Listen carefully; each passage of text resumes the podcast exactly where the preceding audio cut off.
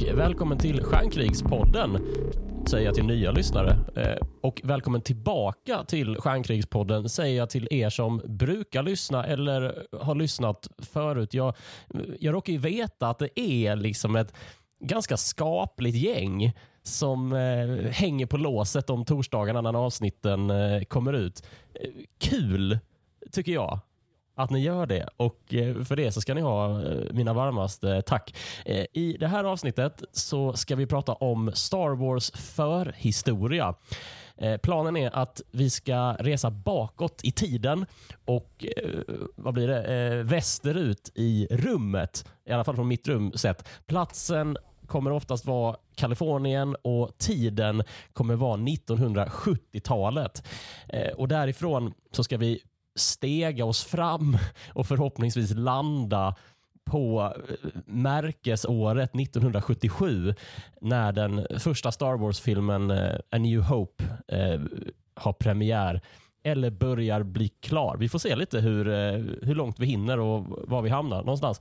Vi som ska göra det här i alla fall, det är jag som heter Ludde Samuelsson och sedan är det journalisten, teknikbloggaren, droidkramaren, känd från Stjärnkrigspodden avsnitt 3, Elin Häggberg. Välkommen tillbaka. Ja, men, tack så jättemycket. Kul att få vara tillbaka. Ja, hur har du haft det sen sist? Eh, mycket bra, mycket bra. Eh, det är ganska likt eh, som det var sen vi pratade sist. Ska jag säga. Det är inte så mycket som, nytt som har hänt. Eh, livet rullar på i sin sakta mak i pandemi och så vidare. Har du eh, eh, konsumerat något Star Wars-mässigt? Jag tror inte Ja, jag började kolla lite grann faktiskt på um, den animerade um, Clone Wars-serien um, på Disney+. Mm. Eh, den är ganska, jag tycker den är ganska mysig men jag fastnade inte i, alltså den är ju för barn liksom, så det var li, jag tyckte det var lite svårt att liksom eh, committa till den. Men jag såg några avsnitt och det var mysigt. Mm. Ja, jag minns också att jag håller också på med den eh, nu. Eh, jag har hållit på med den i omgångar och jag minns att säsong ett så fick jag liksom eh, traggla mig igenom stundtals. Men eh, framåt slutet av säsong två så tycker jag verkligen att det börjar bli eh, eh riktigt intressant och, eh, och spännande. Så um, håll ut kanske jag ska säga då. Ja men det är så där är det ju med många serier just att man måste, man måste ibland måste man traggla sig igenom de första två säsongerna liksom, innan det mm. blir riktigt bra. Men sen kan det bli riktigt, riktigt bra. Så att, eh, jag kanske får eh, kämpa på helt enkelt. Mm. Precis. Eh, jag kan säga så här, om du inte är hooked efter eh, avsnittet som jag tror heter så här, The Plot of Mandalore eller någonting, eh, då, eh, då, då, har du, eh, då har du mitt tillstånd att sluta. Okej, okay. ja, bra. Då vet jag. Ja, ja. Du, hur mår din BB-8? Eh, den har eh, lite slut på batteri som vanligt, eh, så den står i hyllan och är fin. Men egentligen kanske jag borde ladda upp den och skicka ut den på lite patrull här i, på kontoret. Det skulle vara mysigt. Mm. Säkrare kontor kanske också? Jag vet inte hur mycket BB-8 skulle bidra ifall det verkligen kom en inbrottstjuv, men det skulle i alla fall vara en förvåningsfaktor, tänker jag. Precis. Uh, the element of surprise ska Verkligen. aldrig underskattas, har jag hört. Nope. Eh, då så. Eh, planen är att vi, vi ska ju gemensamt eh, följa George Lucas i fotspåren och försöka svara på frågan eh, hur, hur, blev det som det blev? Men eh, innan vi börjar med det så ska jag berätta att möjligheten att stötta Stjärnkrigspodden ekonomiskt eh, finns. Det gör man på Patreon. Eh, mer exakt på patreon.com snedstreck stjärnkrigspodden. Där kan man bli liksom prenumerant eller månadsgivare och vara med och backa det här projektet. Eh, du väljer helt själv hur stor summan på ditt bidrag ska vara vara. Och eh, är det så att man eh, inte vill signa upp sig för Patreon men ändå liksom stötta eh, verksamheten så kan man göra det med Swish. Eh, och Då skriver man in numret 123 141 51 99 och en valfri summa. Och Det numret finns i avsnittsbeskrivningen i din poddspelare som du använder för att lyssna på mig eh, exakt just nu.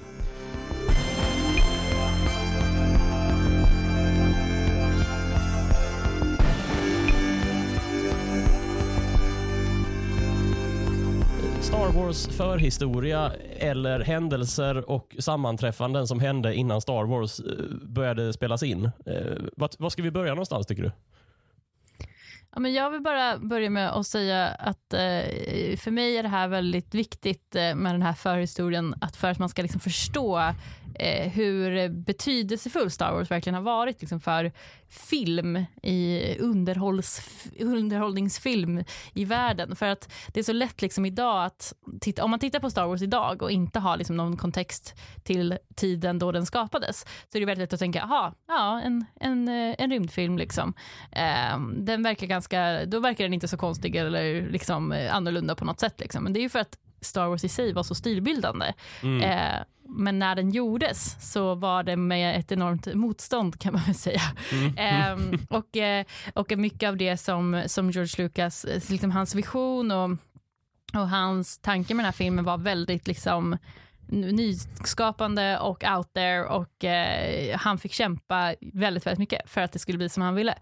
Um, Mm. så att jag, och därför tycker jag liksom det känns viktigt för att liksom förstå Star Wars i grunden, att man förstår också vilken, eh, vilken eh, ja, att det var många, många sammanträffanden och många saker som behövde falla på plats. precis. Det var ju inte någon slags eh, huvudfåra, någon slags mainstream som Lucas kastade sig i, utan han, han grävde ju ett, ett ganska stort dike själv, så att säga, på en plats eh, där, eh, där, där man ansåg att här ska man inte gräva en flod.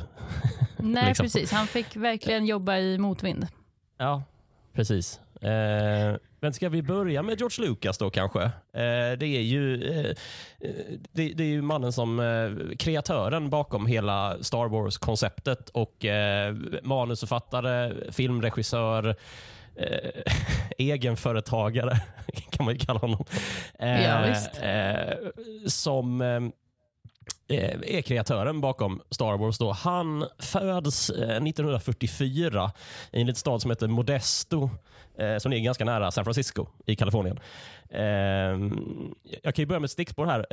Eh, kul att veta om Modesto. Staden Modesto skulle egentligen eh, inte heta Modesto utan den skulle liksom heta som en, en farbror eh, som jag tror hette Ralton, eh, om minnet inte sviker mig. Jag vet inte vad han hade gjort, men han hade anlagt någon eh, järnvägsstation eller någonting.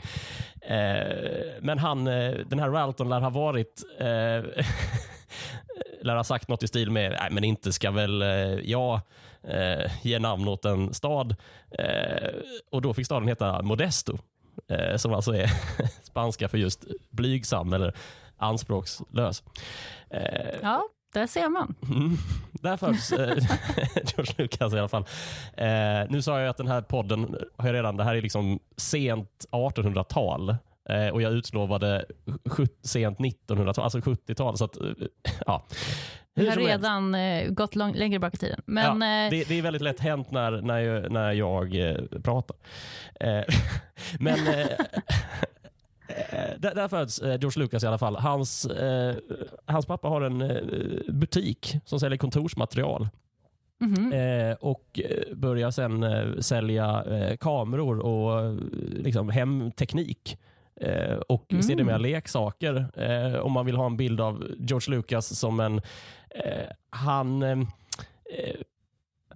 Jag- tror den, barnet George Lucas eh, var liksom lite populärt bland kompisarna för att han hade alla nya leksaker. Kanske inte alla nya leksaker, men han hade nya leksaker först eftersom hans pappa hade den här butiken. Liksom. Mm. Eh, och George Lucas har som barn ett ganska ett teknikintresse. Liksom. Utöver liksom, serietidningar och kolla på tv och sådär så är han ju en, en bilmäckare. Mm. Eh, så här.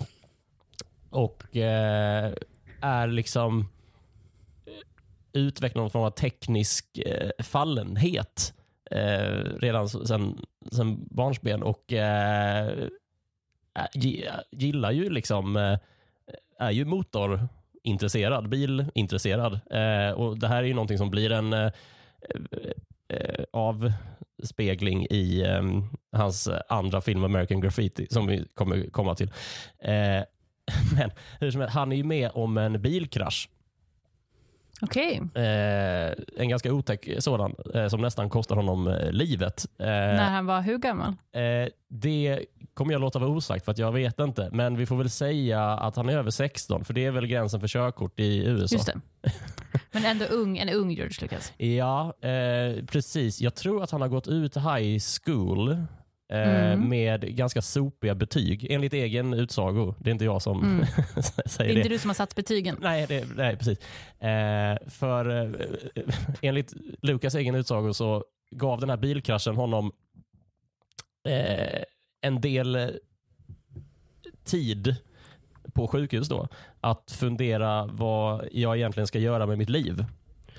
Eh, en tankegång som landar i att han bestämmer sig för att ta det här med skolan ett varv eh, till.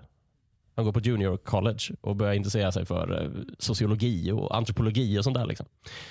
Han söker en filmutbildning lite så här för att en kompis gör det därefter. Det är liksom så han kommer in i filmens värld. Att han, han har en kompis som är, jag ska söka en filmskola i Los Angeles. Kan inte du bara följa med? och då passar George Lucas på att skicka in en ansökan när han ändå är, är där. Liksom. Snacka om sammanträffande. Mm, precis. Eh, och eh, han kommer in. Det är då man brukar säga “little did he know”. Mm. Den här kompisen nu som ingen minns. Ja, jag, jag minns inte namnet. Jag, jag sitter där med, med eh, en biografi eh, kan jag säga. Som heter George Lucas Alive. Eh, som, eh, ja, men som Gud, vilken rolig titel ändå att ha på en biografi. ja, men visst är det en ganska dålig titel va? Alltså, Ja, faktiskt. ja, Ett liv. Ja. ja. Det känns väldigt George Lucas it liksom. Han är ju ganska ned, han är ju liksom inte en högljudd eh, figur. Det här liksom. Han, är lite, han är kanske lite präglad av att komma från Modesto, Kalifornien. Ja, ja eh, exakt. Han verkar vara det. Ja, men den här eh, boken i alla fall är skriven av en farbror som heter Brian J. Jones. Eh, och jag läser från eh, vad heter det, omslaget här. Author of the national bestseller Jim Henson.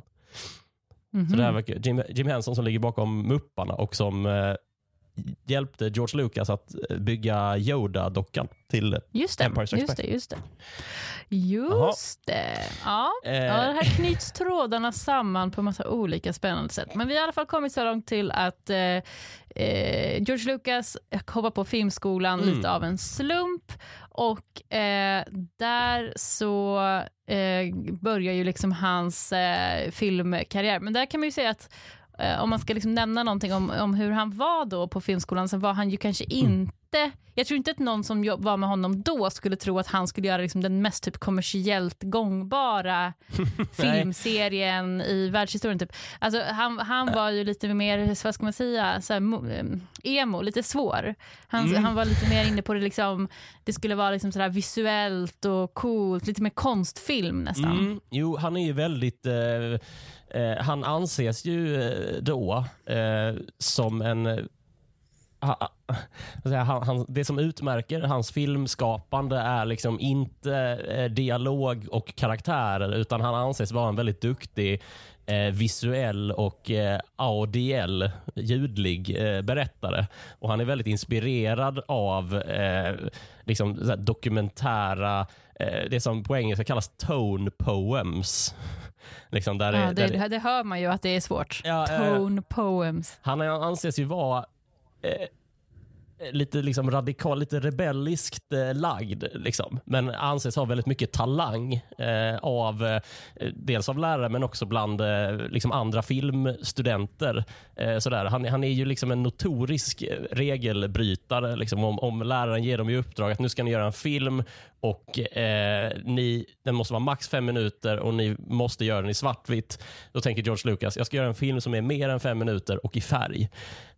Ja. Sådär, för att han är oerhörd, eh, eh, liksom oerhört målinriktad och eh, vad ska man säga eh, benägen att eh, verklighets eh, göra sina visioner. Han är oerhört bestämd på att göra det som han vill göra. Liksom. Eh, han har verkligen svårt för att liksom, ta order Eh, både uppifrån Säkert och... inte en jättekul elev att ha som lärare kan man ju tänka sig. Nej, Alltså att eh, det tror inte jag heller. det är nog ganska, han var nog en eh, ganska utmanande person att ha. Mm. Ja, men en av, vi, ska eh, vara, vi ska vara glada att han, att han eh, utvecklade den här sidan dock. För den, eh, den kommer ju att ha en viktig effekt sen på att Mm. Star Wars blir till. Så att, eh, Ja, och det kan vi ju, om vi hoppar framåt i tiden, det säger ju George Lucas själv liksom, eh, inför eh, manusutvecklandet av just Star Wars A New Hope, att här, jag ville göra en film med, med liksom med specialeffekter, med, med ganska hög hastighet och ganska högt eh, tempo. Att det skulle vara liksom bilderna eh, som liksom förde och effekterna som för liksom handlingen framåt eh, minst lika mycket som berättelsen gör det. Eh, men Eh, på den här filmskolan eh, så gör han en film som han döper till THX 1138 EB4, tror jag den fullständiga titeln är. Det är en kortfilm som han sen blir hans eh, eh, långfilmsdebut. Han liksom utvecklar det projektet eh, till sin första långfilm. Den heter, då heter den THX 1138.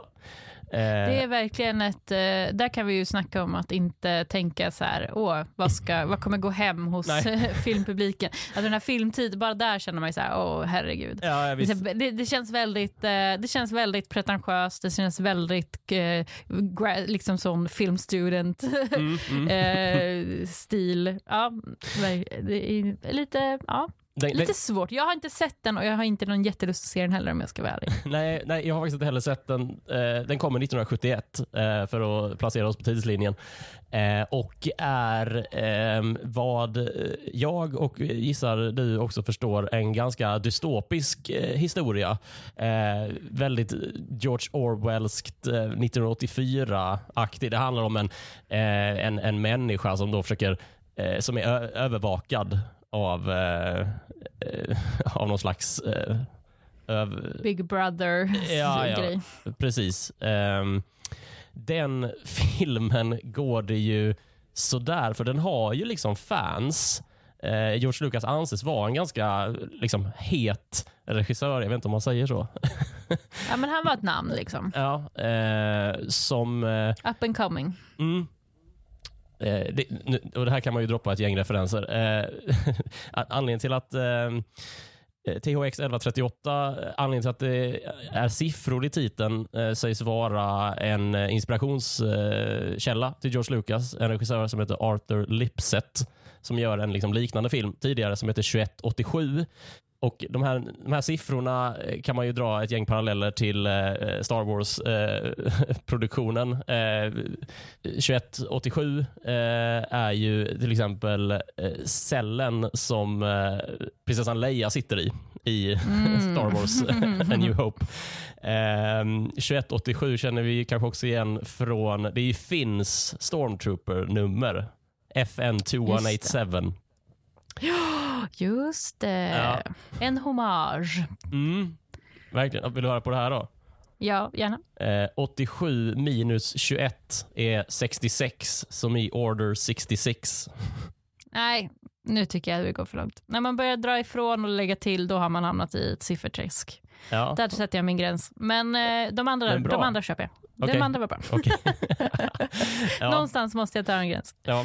Och eh, THX 1138 har jag också fått eh, namnge lite, eh, eller återkommer ju eh, i George, Lu- eh, George Lucas anknutna eh, företag och eh, göranden. Eh, 1138 kan vi säga, det är ju cellen, eh, numret som Chewbacca ska sättas i. I, i samma film, A New Hope, när eh, Han Solo och Luke Skywalker klätt ut sig till Stormtroopers och låtsas eh, hålla det. Chewbacca fången. Eh, Det där kan ju, det där kan ju man, eh, nu när man vet om det så kanske man kan börja hålla utkik efter det här när man kollar om Star Wars så kanske man eh, mm, kanske kan hitta fler, vem vet? ja, Kanske eh, gömt på fler ställen. Och sen så kan vi ju också säga till lyssnare som reagerar på bokstavskombinationen THX. Eh, det får ju ge namn åt eh, ett företag som skapas och ägs av Lucasfilm eh, som är en ljudkvalitetsstämpel som biografer kan ha. Just det, just det, just det. Just det. Eh, De har en sån, eh, det, är en sån logga som brukar komma upp så här. Hur? Eh, precis. Eh, och det, det är ju liksom ett sätt för, eh, för det här ska vi veta om George Lucas, han är, har ett enormt kontrollbehov. Eh, om vi ska säga något om Mm. personen George Lucas. Eh, Herregud, ja. och det här ljudkvalitetsstämpeln utvecklas för att George Lucas vill att biopubliken ska få liksom samma ljudupplevelse som han och eh, hans klippare och ljudmänniskor har i liksom redigeringsprocessen. Liksom att han är så oerhört mån om att Mm, han är väldigt eh, noggrann Ja. eh, och eh, lite, det, det, alltså, vad ska man säga, där kan man väl det är väl också ett tecken på just det här eh, hur, hur, eh, att han säkert inte är superenkel att ha att göra med heller när man ska samarbeta med honom.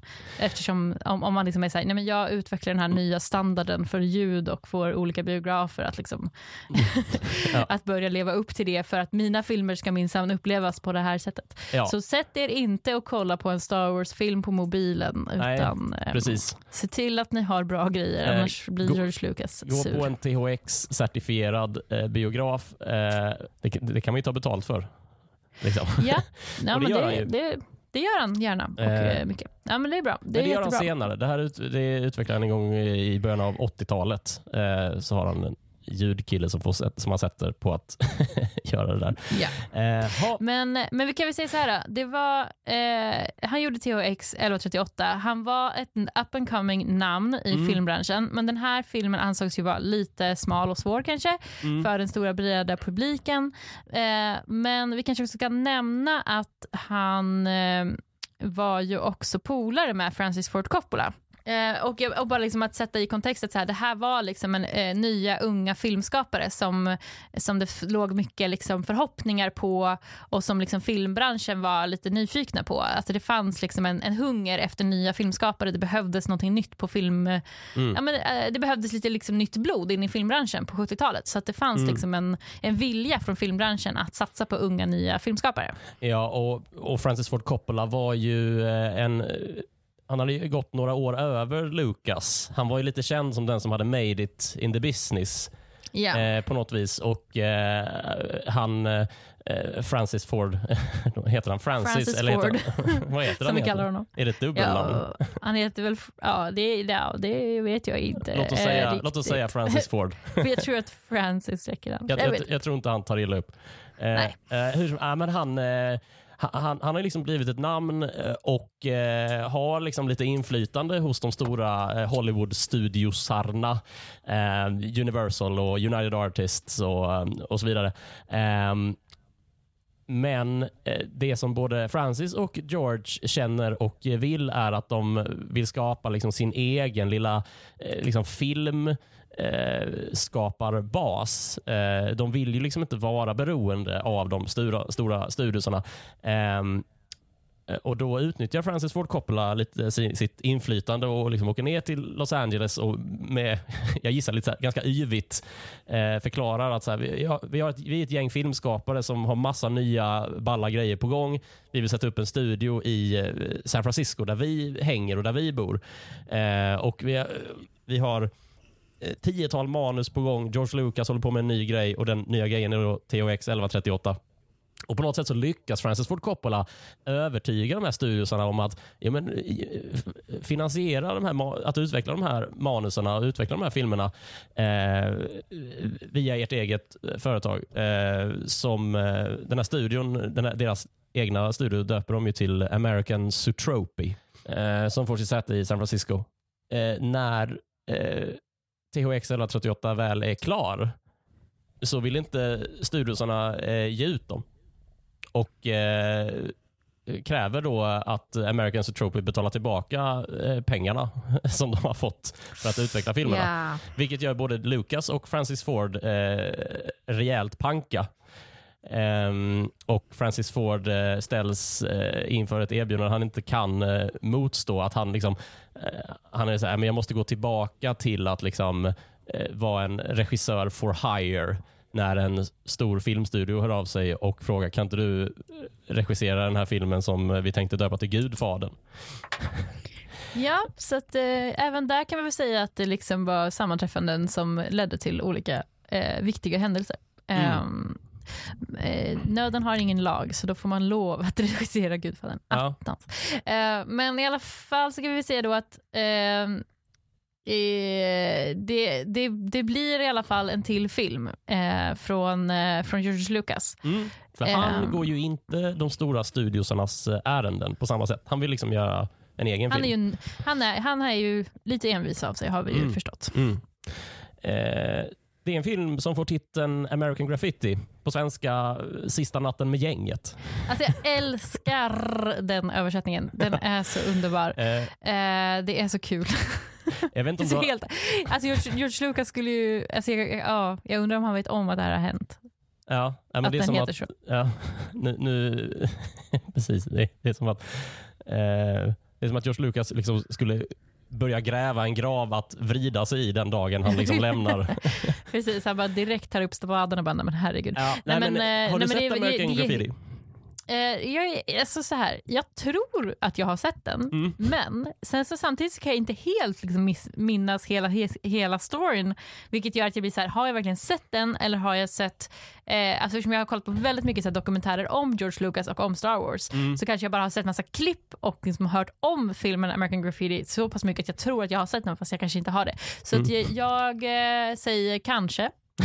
Okej. Det är 50-50. Kanske har jag sett den, kanske inte. Eh, Jag kan hävda med bestämdhet eh, och gott samvete att jag har sett den.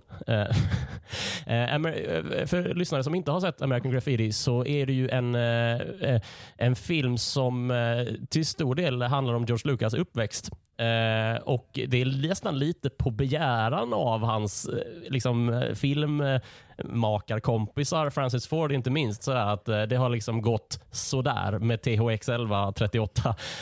Så han får lite men George, han får lite uppmaningar. Så här, George, du kan inte hålla på med det här svårtillgängliga. Kan du, du måste ju visa att du kan göra liksom en, en varm komedi, humoristisk, något, något, något mänskligt. Med, skriv om något från ditt eget liv. Och då gör han det.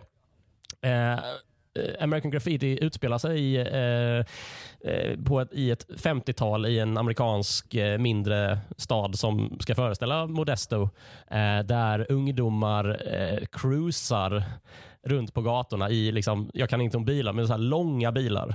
Du vet, långa Riktiga bilar. amerikanare liksom. Ja, ja precis. Ehm, och de, de hänger på en diner liksom och, eh, Mm. och så vidare. Men eh, det är liksom En raggarfilm helt enkelt. Ja, eh, kul att veta om American Graffiti är ju att huvudrollen, en av dem, görs ju av Ron Howard.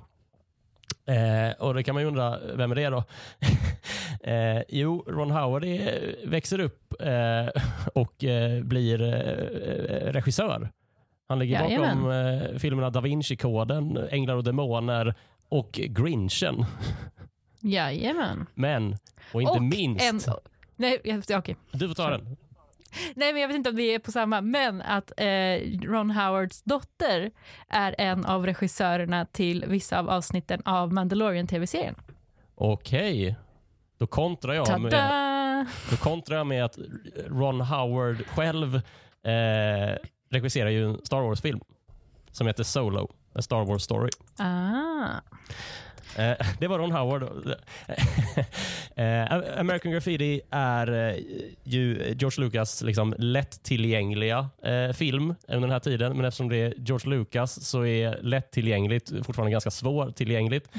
Eh, när George Lucas presenterar den här idén för eh, studior eh, så förklarar han att ehm, eh, det här är en musikal men ingen av skådespelarna ska sjunga. Ja, nej, okej. ja. Eh, Det, är, ja, det är liksom, eh, han, han utmanar konventionerna, det får man ju säga. Mm.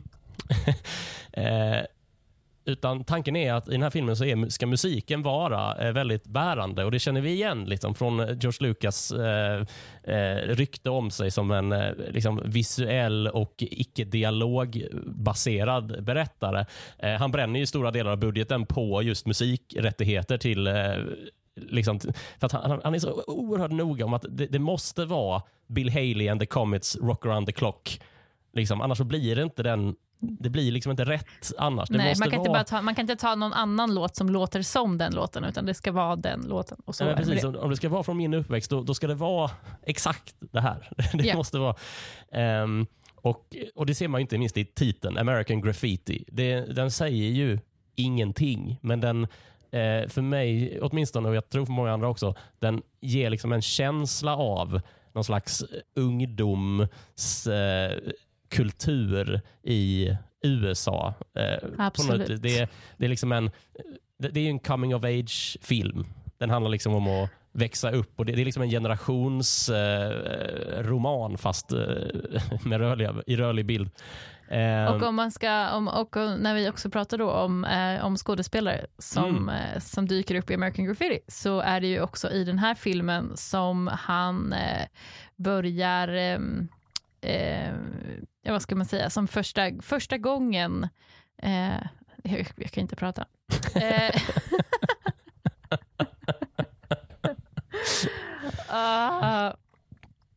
nu har jag tappat alla namn och mitt eget huvud och vad jag skulle prata om. Jag tror att uh. namnen du söker är Harrison Ford och Bob Falfa. Ja, precis. jag var på så Hannifal, Ford, vad heter Coppola? Nej. Uh, ja, nej, men det var ju i American Graffiti som uh, han uh, kastade Harrison Ford mm. för en biroll kan man väl säga. Mm. Eller en bilroll. Ja, ha, ha, ha. Wow. Är du komiker? Kul. Kul att vara här. Eh, bollen låg på straffpunkten och det stod ingen målvakt där. Jag var liksom tvungen.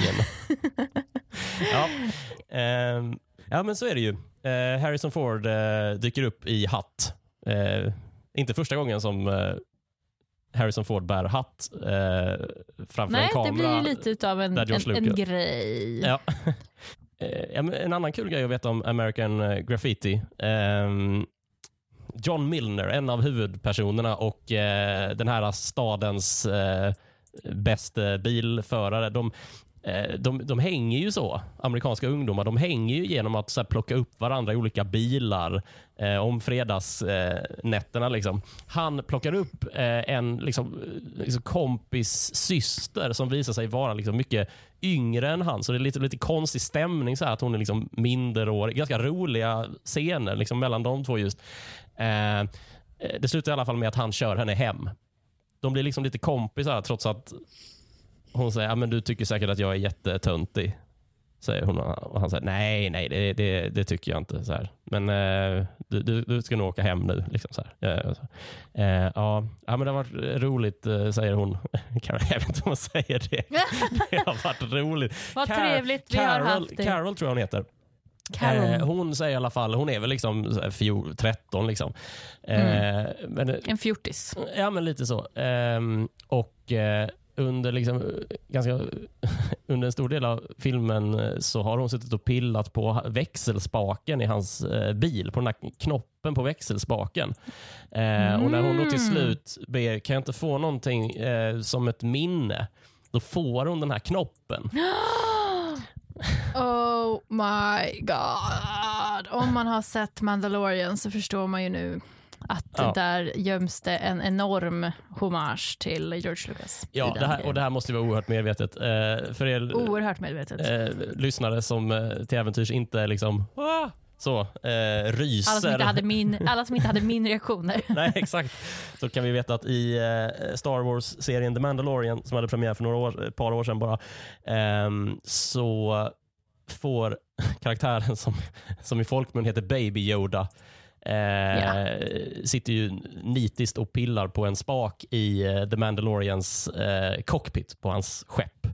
Som är en sån liten rund knopp på ja, en spak. Och det som går att skruva av dessutom. Ja, som eh, Baby Yoda får behålla eh, som ett... Ja. Oj, alltså jag hade faktiskt ingen aning om att det var mm. en, sån, en sån spegling. Vad kul. Um, Ja, men American Graffiti, den, eh, den, eh, den gick ju hem i stugorna mm. får man väl ändå säga. Den blev ju liksom, eh, den, var, den blev, fick bra kritik, den fick eh, nomineringar till eh, Oscars.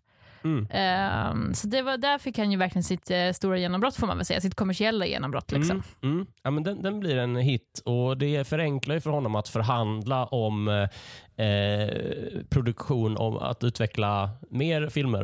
Eh, för jag har, har när American Graffiti, eh, när George Lucas fick eh, liksom pengar för att utveckla American Graffiti eh, så fick han också möjligheten att så här, eh, vi kan låta dig göra liksom en andra film om, om det här går bra. Liksom. Eh, och Jag tror att det är United Artists eh, som eh, säger det till honom. Men, och den andra filmen ska vara då svar på frågan, har, du, har du någon mer på gång? Och då Lucas lär svara, men jag har den här A Space Thing. liksom. Ehm, Mm. Men när American Graffiti är klar, då vill inte United Artists låta Lucas fortsätta med sitt andra manus. Eh, de gillar inte den filmen, eller de tror liksom inte på den. Eh, och eh, Det gör inte heller Universal Studios, som är liksom nästa studio han går till. Eh, men eh, på en visning eh, för en man som hette Alan Ladd Jr. på Fox, blev han blev väldigt imponerad av American Graffiti och eh, tar till sig Lucas och eh, ger honom eh, monetära möjligheter att eh, eh, fortsätta eh, utveckla det som blir Star Wars, ska jag väl säga. Ja, och, och det man kan säga är väl också att alltså, de hoppades ju såklart på att han skulle göra en ny American Graffiti, alltså att han skulle Mm. göra en, någon film som var liksom lik den och som kunde bli, så är det ju alltid liksom i, i, TV, i filmbranschen, liksom att har man gjort en film men då hoppas man ju få en till. Alltså de, de, de ville ju ha en film som skulle få ha samma typ av framgång och kanske lite samma stil kan man väl gissa. Mm. Eh, George Lucas, den envisa jäkeln, hade såklart helt andra planer Ja. på vad för film han ville göra. Han ville göra en episk rymdopera som man kallade det på den tiden. Mm. Eh, han ville göra en, eller egentligen ville han ju faktiskt göra en filmatisering eller liksom en remake av Flash Gordon. Det var ju det han egentligen ville. Ja, just det. Och vad var Från Flash Gordon början. då? Flash Gordon är ju liksom en, en serietidning och en, eh, en tv-serie som han växte upp med att Mm. kolla på. Som är liksom en, han är liksom en rymdcowboyhjälte, typ eh, Flash Gordon som eh, flyger runt i, i rymden. Jag har bara sett eh, Flash Gordon-film, det, det finns ju en Flash Gordon-film Mm. som inte George Lucas har gjort. Just det. Eh, som, eh, som eh, eh, Jag, ja, jag kan passa på att skjuta in med, med Flash Gordon att George Lucas försöker ju, för det första, eh, för den som inte har Flash Gordon liksom på näthinnan eh, dagligen, det är, jag vet inte hur många som har. men Säkert eh, någon, men... eh, han ser ut som någon form av liksom, eh, romersk krigare i, i framtiden. Liksom. Det är lite det Mm. stuket. Det är liksom en o- oerhört, eh, låt mig använda ordet arisk. Liksom. Alltså det är så Ja. extremt, eh, liksom, eh, den, den rena amerikanen räddar blonda tjejer från eh, skurkar. Liksom. Det är ungefär det som Ja. händer i, i Flash Gordon. Ehm, men eh, George Lucas försöker ju köpa rättigheterna till eh, Flash Gordon. Ehm, Ja, Det har han inte råd med. Eh, nej. och eh, Det som är lite roligt att veta är att den här långfilmen som du nämnde, eh, som kommer i början kom av på 80 80-talet. Ja. Exakt. Mm. Eh, den eh, var ju ett försök till att rida på liksom vågen som Star Wars då hade uppdämt. Eh, det gick inte lika Just bra. det. Nej, så att, eh, på, men vi, jag är jätteglad att, eh, att eh, George Lucas valde att skriva något eget istället för att Mm. filmatisera Flash Gordon. Men, men vill man veta liksom vart, vart han fick liksom mycket av inspirationen Mm. till, till just att göra en rymdsaga så kommer det ju från, från Flash Gordon. Och, men det är ju också liksom, alltså det som, det som är så alltså vad ska man säga, det, det som jo, gjorde att det blev så mycket motvind när George Lucas skulle liksom göra Star Wars var ju att han, alltså det här var ju inte alls den typen av film som var liksom Alltså om man tänker liksom, det var inte som att komma idag och säga så här, jag vill göra en superhjältefilm. Då skulle alla Mm. filmer bara, "Va, vad bra superhjältefilm, det har vi Det har gjort vi gjort 500 000 förut. och det vet vi att det går, går alltid hem. Liksom. Utan Ja. här var det verkligen så här, oj, det här var ju inte alls vad som var liksom hippt på 70-talet. Nej. Eh, och han hade ju liksom inspiration, alltså det här var ju liksom en, just det här sagoberätt, som sagostilen, nästan lite det här liksom gam, alltså vad ska man säga, riddartemat, Mm. liksom, den här episka grejen och att han liksom hade en jättelång, alltså det var just det här att det skulle vara liksom, liksom en lång historia. Liksom. Mm. Han hade ju verkligen liksom, alltså, men just den här episka berättelsen. Liksom. Mm. Det var ju eh, otroligt... Eh, det, var ju, det var ju verkligen inte vad någon trodde skulle kunna bli en liksom... Nej, Lucas har ju sagt... I, jag såg en intervju med George Lucas där han sa det själv att ja, men, Eh, det här började ju som en väldigt lång berättelse. Jag hade ju liksom skrivit, jag hade ju idéerna till, all, till alla tre filmerna. Eh, och, eh, eller jag hade idéer till en väldigt lång berättelse. Eh, så jag stod inför alternativet att eh, så här, presentera, ja, men jag tänkte göra en sex timmar lång film. men det visste jag att de inte skulle gå med på. Så då var tack, jag tvungen att jag, jag, gör de två första timmarna. Liksom. Om jag bara kan börja med det. Eh, och Sen ska jag se till att säkra rättigheterna till att få göra uppföljare. För det här säger yeah. också någonting om George Lucas eh, och inte minst hans kontrollbehov.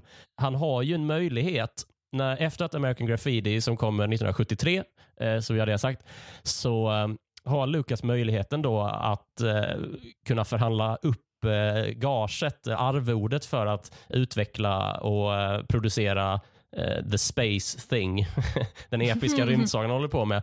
Uh, den möjligheten uh, utnyttjar inte Lucas, utan då ser han till att förhandla till sig uppföljarrättigheter istället för att liksom, kontroll och självständighet står liksom alltid högre i kurs än pengar hos, hos Lucas. Och han förhandlar ju även till sig att han ska få royalties på alla all mm. merch. Mm. Ja. Eh, vilket ju också är så här, eh, det är ju ganska kaxigt att säga det då. Liksom, det är så här, vill du ha de här liksom, extra dollarna? Bara, nej, men när den här filmen, om det produceras någon typ av merch, då vill jag ha poäng, eh, pengar på det. Det måste ju ha varit som att, för dem är det ju så här, ja, ja, liksom, det, det, är ju som att ge, ge dig ingenting, tänker de när mm. de säger ja till det. Little did they know att eh, det här skulle lägga grunden för en enorm förmögenhet eh, in till denna dag i princip. Um, så det var ju otroligt, eh, ett otroligt lyckokast eh, kan man ju säga. Eh, eller så var det helt enkelt så att George Lucas kände på sig att så här, ni tror inte på mig, ni vet mm. inte vad jag håller på med, men jag, jag känner på mig att det här kommer bli en hit. Ehm, svårt att säga. Eh, jag tror inte att George Lucas kände det på sig. Han kände väldigt mycket annat. Eh, dock, upplevde, mycket känslor. Ja, eh, hjärtklappning bland annat.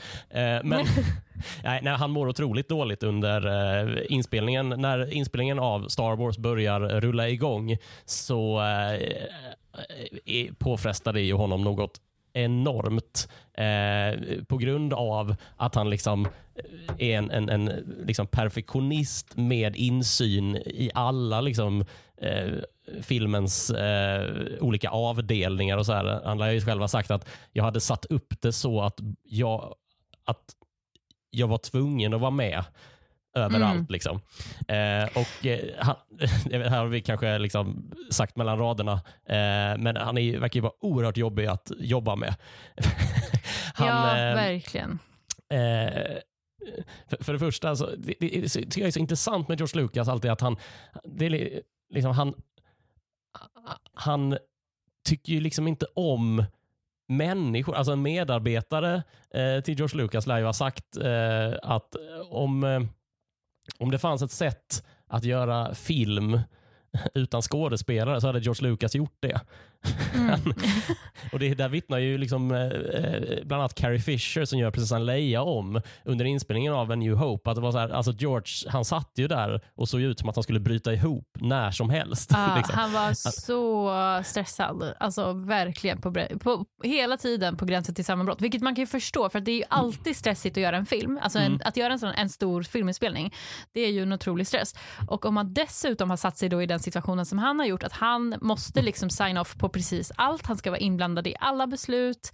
Han är liksom, och dessutom då enormt pressad eh, tidsmässigt, pressad ekonomiskt. Mm. Eh, och till råga på allt då, så är det också ingen som fattar. Det är ingen som fattar vad de håller på med. Ja, alltså för det. att det här är så out there. ja. För, det här, för det är liksom, han har ju så här, bara, ah, men, eh, vi ska använda specialeffekter.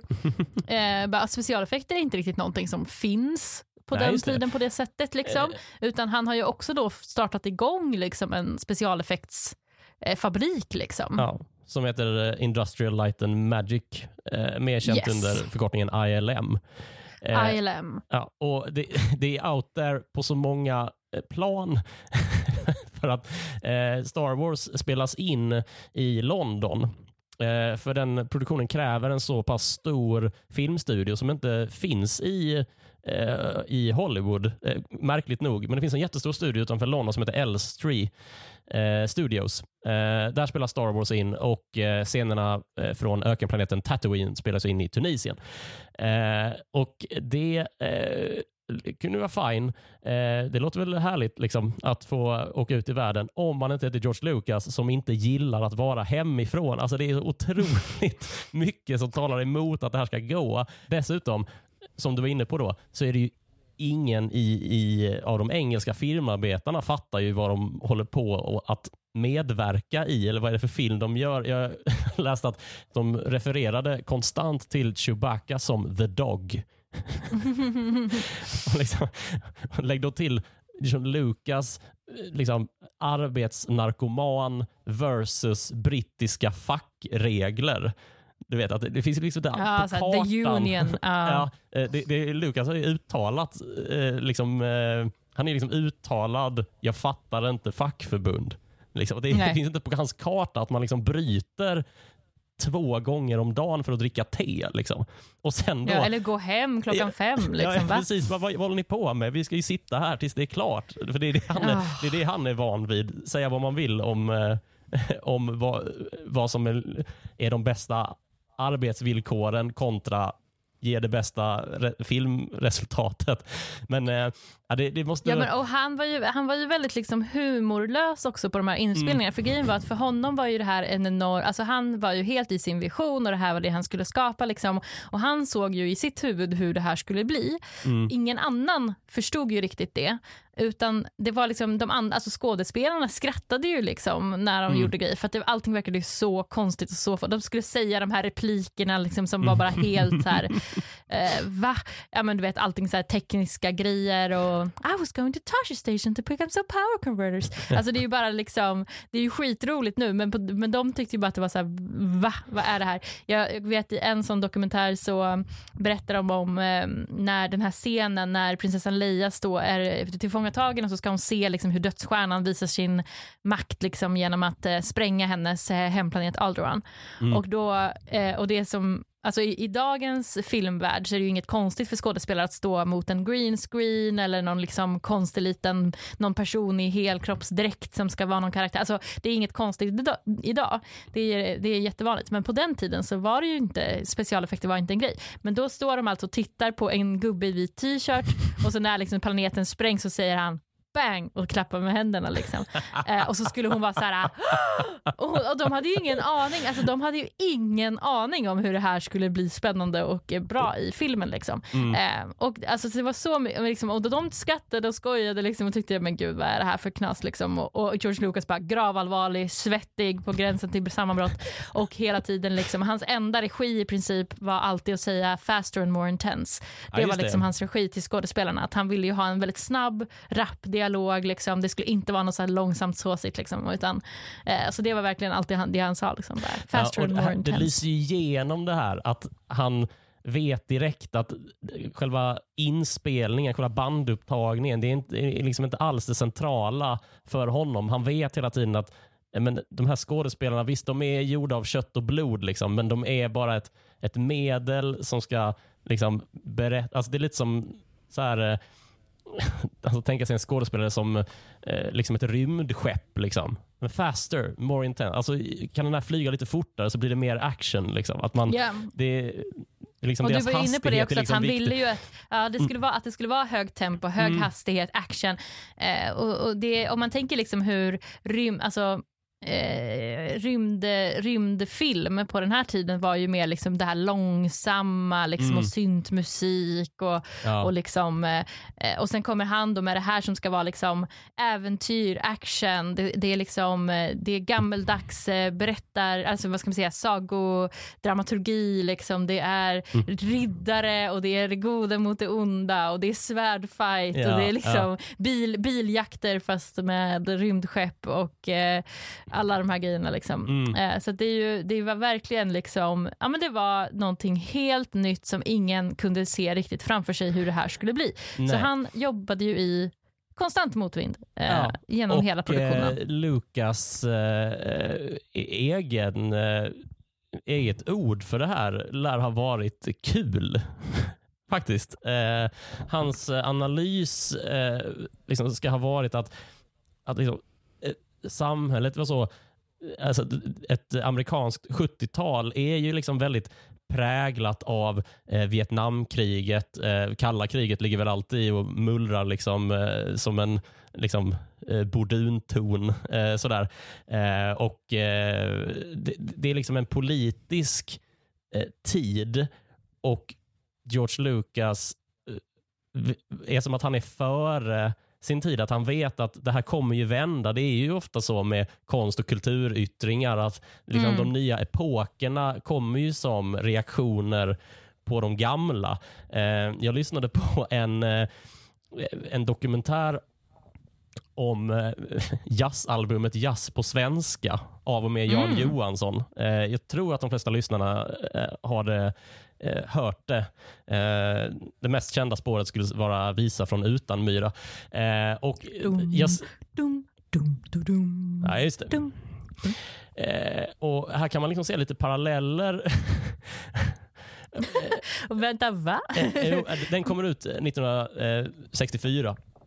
Och det är ingen som tänker sig att liksom svenska folklåtar ska vara det som toppar hitlist. Det här är liksom Sveriges mest sålda jazzalbum som fortfarande, alltså, och ett av Sveriges mm. mest sålda musikalbum genom tiderna. Eh, för mm. på 60-talet, eh, om man är jazzmusiker i världen och i Sverige, eh, det som är jazz, det är liksom eh, afroamerikansk jazz. Alltså Miles Davis, John Coltrane, eh, alltså det är de som är liksom målbilden för vilken musik man ska spela. Alltså, du vet, det är många som tänker att, eh, att man kan inte ens sjunga jazz på, på, man kan inte ens sjunga jazz på svenska.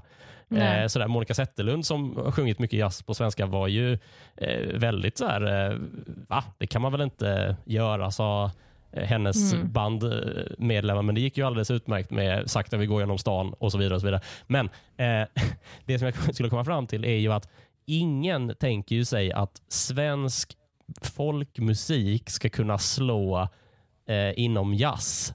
Och, och eh, internationellt dessutom. Eh, nej, precis. Eh, och Min teori här är ju att under 60-talet så eh, urbaniseras ju Sverige. Liksom. Folkhemmet eh, byggs upp och det flyttar in jättemycket folk från landet in till städerna.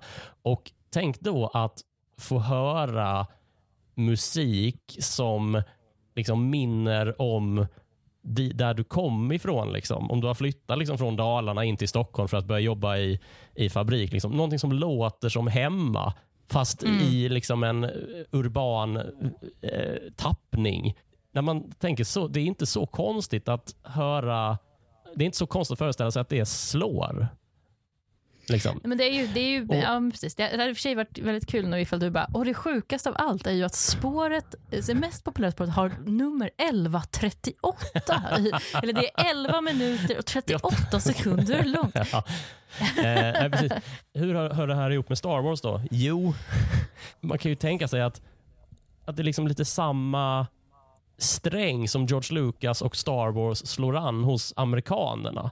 Att det här minner om en tid före Eh, kalla kriget, före liksom, eh, Vietnamkriget, före alla eh, liksom demonstrationer och liksom det politiskt medvetna amerikanska samhället. Alltså någonting som bara är kul att titta mm, och på. Det är liksom. fantasi och det är liksom ja. äventyr och det är liksom klassiskt äventyr. Liksom. Hjältesaga. Ja. Eh, goda mot onda. Det finns mycket. Det finns mycket och jag tror att det är ofta, det är ju ofta sådär också just att de som tänker, de som är liksom i framkant. Mm. Och de som ofta, och oftast nästan alla som gör någonting som blir oerhört stort och oerhört lyckat eh, jobbar ju oftast i motvind just för att mm. det är inte det som är stort just nu utan det som är det som komma skall. Mm. Eh, och är man en nytänkare så, eh, ja men det är liksom så här, antingen så är det här, antingen är jag galen eller så är jag genial. Liksom. Mm. Det, är, det är mm. liksom alltid en hårfin gräns. Det går ju att säga att George Lucas bryter ju lite sin egen norm. Han gör ju lite uppror mot sig själv i och med att han gör en glad, rolig science fiction-film, ganska varm science fiction-film, eh, i motsats till eh, THX 1138, som är det här Mm. dystopiska eh, dramat. Eh, verkligen. Men det är ju... Eh, det, det, det, han kämpar sig igenom i alla fall den här inspelningen kan vi väl konstatera. Och, eh, ja. han, och eh, mot allas, eh, allas förväntningar kan man väl säga då, så blir ju Star Wars eh, Episod 4 en otrolig framgång. Det blev en jätte, jättehit. Mm. Och eh, det kan vi också tillägga till, eh, lägga till i Eh, persongalleriet eh, folk som inte trodde på Star Wars. Eh, filmens enda kända namn, Alec Guinness som spelar Obi-Wan Kenobi, som Mm mitt under pågående inspelning eh, lär ha hotat att hoppa av hela produktionen eh, sedan George Lucas berättat för honom att eh, du eh, liksom ska ha tagit honom åt sidan och bara du Obi-Wan eh, han kommer ju dö sen. Du vet att Mm. jag, har kommit på det nu att eh, du kommer inte ha något att göra eh, efter ni har varit på dödsstjärnan liksom. Eh, efter din fight med Vader. Så att, eh, eh, och då lär Alec Guinness såhär, va? Va, va, va, vad med? Varför ska Ja. min karaktär dö? Ja. Tråkigt. Och det är lite jobbigt eftersom Alec Guinness är liksom den enda Ja, skådespelaren. han, vill, han jobbade ju verkligen med mycket. Han ville ju ha nya fresh faces. Liksom. Att det, han ville ju inte att det skulle vara kända skådespelare utan han ville ju att det skulle vara Mm. personer som man inte hade sett. Mm. Eh, undantaget var väl Har- Harrison Ford då, som hade varit med i hans tidigare film. där. Men, Ja, precis. Eh. Och Det har ju tagits upp tidigare den här, um, i tidigare avsnitt av den här podden. Uh, Harrison Ford eh, liksom motarbetades in i Star Wars-produktionen. mm, Eh, det kan vi också vara glada för, eh, i alla fall jag. verkligen. Ehm, eh, men eh, Ja, Alec Guinness, Guinness. lär... men eh, eh, George Lucas eh, lär då ha, efter säkert ett eh, sammanbrott på något sätt, eh, bjudit eh, Alec Guinness på, på lunch och sen liksom, kanske lite under bordet så här föreställer mig, stuckit till honom lite, lite, en liten extra procent på filmens intäkter. Eh, Mm. Sådär. Eh, det som Alec Guinness kallar i sin självbi- eh, självbiografi eh, good bread. Good bread. okej. Ja. Eh, och därefter så lär den gode Guinness varit enormt engagerad i inspelningen. Oj, oj, oj. Uppbådar en entusiasm som ingen hade sett tidigare. Sällan liksom. skådad. ja, han, lär, ha- han lär faktiskt ha rullat runt i sanden där i Tunisien eh, för att eh, hans kåpa skulle få liksom en liten wary look. Sådär. ah, oj, oj, oj. Ja. Vilken, vilken dedikation. Ja, Ja, Ja, fantastiskt. Ja, men, eh, eh, ja. ja. nu har vi väl eh, liksom kommit fram till eh, det vi, det vi, det vi sa. Att eh, vi, har, vi har landat i att Star Wars har gått upp på, på bio i Ja. USA och eh, lockar en eh, rekordpublik. Det blir eh, den största, ja, den drar in mest pengar. Ja, men det är sådär helt massa sådana där, de slår massa rekord. Mm, mm. De får massa Oscars och det blir ju ett jättefenomen eh, Mm. ganska direkt. Liksom. Det blir verkligen en, en jätte...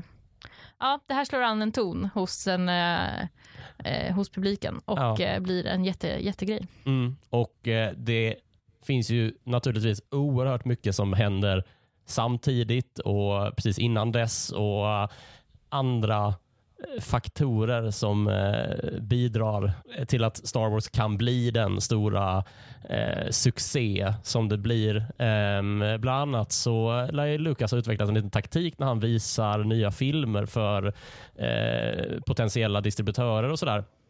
Eh, både med American Graffiti och eh, vad jag förstår Star Wars, eh, när, att han bjuder alltid in publik också. Alltså samtidigt som producent ska Mm. kolla så att de får, liksom inte, de får aldrig se hans filmer i en, en tomt rum. Liksom.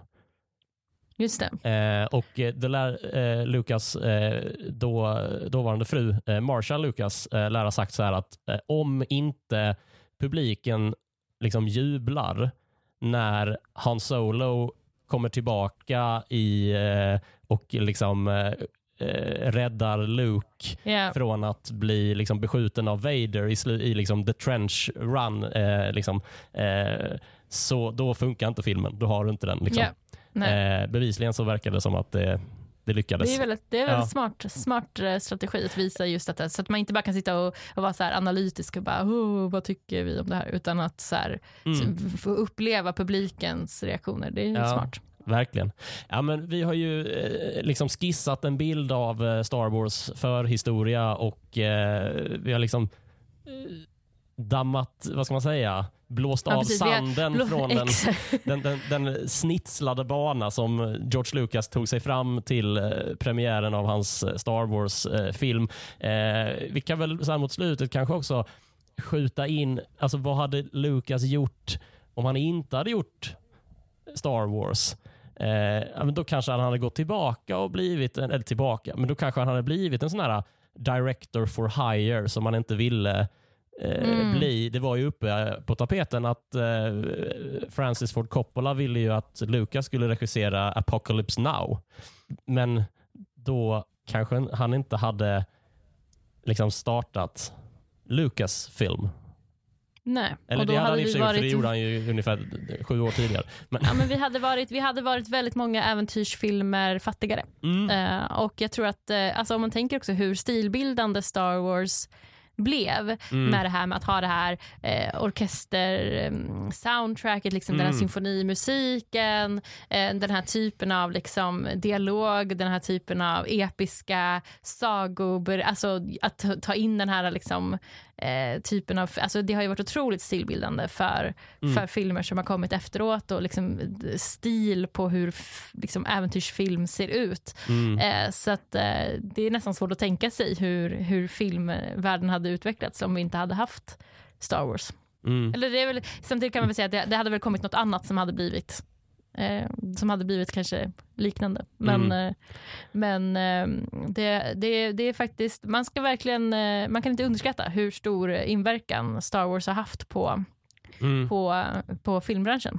Ja, precis. Eh, för eh, om inte, alltså inte bara för hur, som du nämnde, liksom film, äventyrsfilm ser ut, men också för, för självständiga filmmakare. Eh, något som George Lucas ständigt hade liksom siktet inställt på att han, han gör ju ofta, han eh, vill ju gärna själv eh, låta påskina att eh, hans drivkraft alltid är att bli liksom helt oberoende från de stora studiorna som liksom Mm. för evigt brännmärkt honom när de liksom eh, lovar honom pengar eh, för THX 1138 och sen tvingar honom att betala tillbaka. Liksom. Han, han har ju inte ett gott öga till Mm. dem. Han, han litar ju inte på stora studior. Eh, och vilket, är, vilket är lite ironiskt eftersom han nu liksom i princip driver en ganska stor filmstudio eh, själv.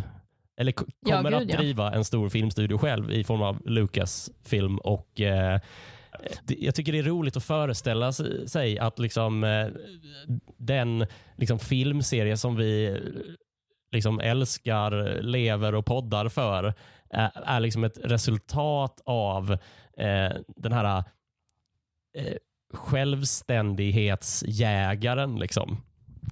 Eh, som vill liksom, frigöra sig och inte vara beroende av... För enligt Lucas så, handlar ju, så är ju de stora filmstudierna bara ute efter pengar. De är ju inte intresserade Mm. av att göra film. Eh, Sen har han gjort, liksom, skapat de filmerna som har dragit in absolut mest pengar ja. av alla liksom, eh, franchise som finns. Typ. Mm. Alltså filmfranchise. Ja, precis.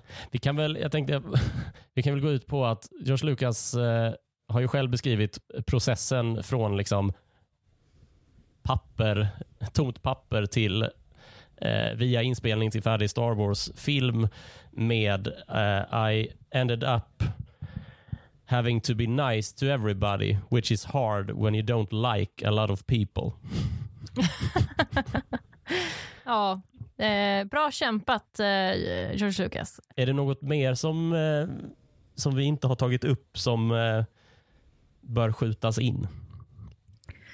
Ja, men jag, jag tycker vi har, vi har fångat liksom, eh, jag tycker vi har fångat eh, bilden av den här envise eh, mannen, eh, filmnörden som eh, ville göra sin film som eh, kämpade eh, mot eh, alla som inte trodde på hans vision, som eh, inte är någon varm people's person direkt, utan eh, snarare ett kontrollfreak som eh, offrade sin egen hälsa. Han fick ju faktiskt ett, eh, alltså, eh, någon typ av eh, breakdown. Ju. Han fick blev, han, typ en hjärtinfarkt eller något liknande. Ja, jag tror det slutade med eh, att panikångestattack blev liksom den, Ja. med, det medicinska uttalandet. Men eh, ja. Ja, men um, han, han blev ju liksom till slut, eh, han klappade ihop, det blev too much. Eh, han eh, offrade väl på ett sätt kan man också säga sitt äktenskap eftersom eh, han Mm. skilde sig samma år som Return of the Jedi kom ut från Marsha. Eh, så att eh, han offrade mycket för att göra sin vision. Eh, men det är vi väldigt glada och tacksamma för eftersom han skapade någonting som eh, har berört våra hjärtan och eh, som har eh, blivit otroligt eh, framgångsrika och såklart liksom en startplatta för en enorm värld som vi gillar att vara i på olika sätt. Wow, jag tycker att eh, det där, eh, det där lät som ett slutord. Ska vi anse oss ha eh, tagit upp eh, eh, händelser som hände, hände före och ledde fram till att Star Wars producerades och hade premiär? Det tycker jag att vi har gjort. Ja, men då så. Eh, Elin Häggberg, tack för att du tog dig tid ännu en gång. Ja, men, eh, tack, jättekul att eh, få vara med. Och du som har lyssnat, du har lyssnat på Stjärnkrigspodden. Eh, passa på att prenumerera i din poddspelare eh, och eh, när du ändå är där, ge den ett betyg som du tycker motsvarar eh, våra insatser. Eh, bidra till verksamheten. Det mottas på patreon.com stjärnkrigspodden eller swish eh, 123 141 51 99. Jag som eh, håller på med det här heter Ludde Samuelsson och vill man mig någonting då finns jag på eh, sociala medier under användarnamnet Ludde Samuelsson. Tack för den här gången. Vi hörs nästa.